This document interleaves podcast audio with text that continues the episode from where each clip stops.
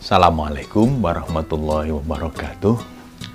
Ada seorang ibu yang kehilangan putri kesayangannya berusia 13 tahun karena tertabrak oleh mobil yang dikendarai oleh seseorang yang mengemudinya sambil main HP. Putri itu meninggal dan ibu pasti sangat kehilangan. Tetapi yang menarik dari ibu kita ini adalah dia tidak larut dalam kesedihan dia tidak ingin berlama-lama merasa kehilangan dan meratapi nasib. Yang dia lakukan justru mengejutkan karena kemudian dia menggalang komunitas. Komunitas peduli driver. Jadi ibu ini justru kemudian mentransformasikan kesedihannya itu dalam aktivitas yang sangat positif. Yaitu dengan menggalang komunitas tidak menyendiri meratapi kesedihan tidak, tapi justru dia keluar kemudian mengajak komunitas bikin edukasi-edukasi kepada driver agar para driver tidak mengemudi sambil main HP. Karena ada tren sekarang ini banyak orang yang menganggap remeh ketika mengemudi mobil sambil main HP. Bahkan naik sepeda motor saja sambil main HP.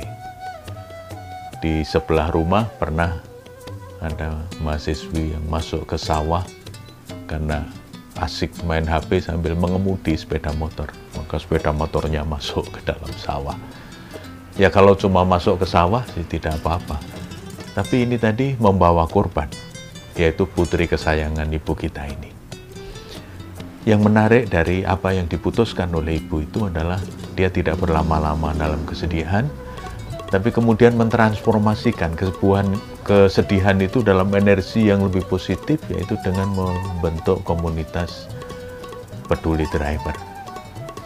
Ini bedanya antara orang yang punya sense of purpose, orang yang punya tujuan hidup yang jelas dengan yang tidak.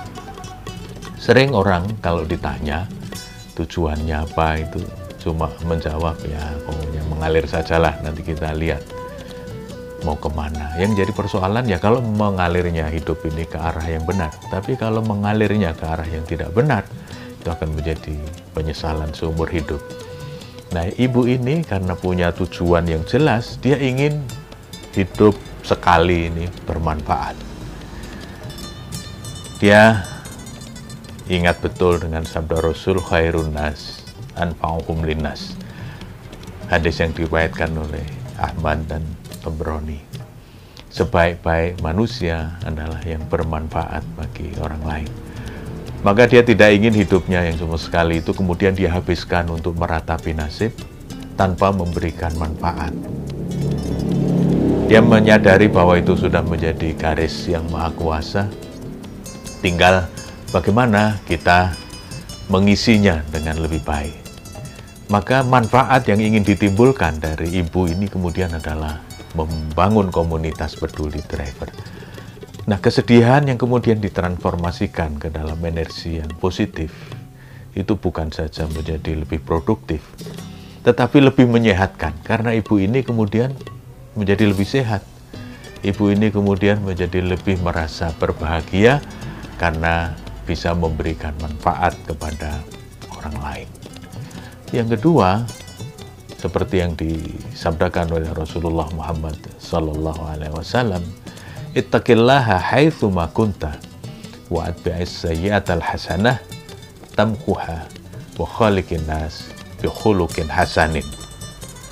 Yang dilakukan oleh ibu kita ini adalah hidup dengan lebih mendekatkan diri kepada Yang Maha Kuasa Kemudian dia ikuti kesalahan itu, kesedihan, kehilangan, itu dengan hasanah, dengan berbuat yang lebih baik. Tamuha, maka itu akan menghapus, itu akan menyembuhkan. Sabda Nabi itu memberikan sikap yang positif, seperti yang ditunjukkan oleh ibu itu. Persoalan itu tidak untuk dirasakan, tapi untuk diselesaikan. Maka apa yang dilakukan luar biasa, tidak larut dalam perasaan yang haru biru karena ditinggal putri kesayangannya, tapi kemudian diselesaikan dengan cara membangun komunitas, meningkatkan kesadaran para pengemudi supaya tidak mengemudi sambil bermain HP. Pemirsa, sampai ketemu lagi di lain kesempatan. Assalamualaikum warahmatullahi wabarakatuh.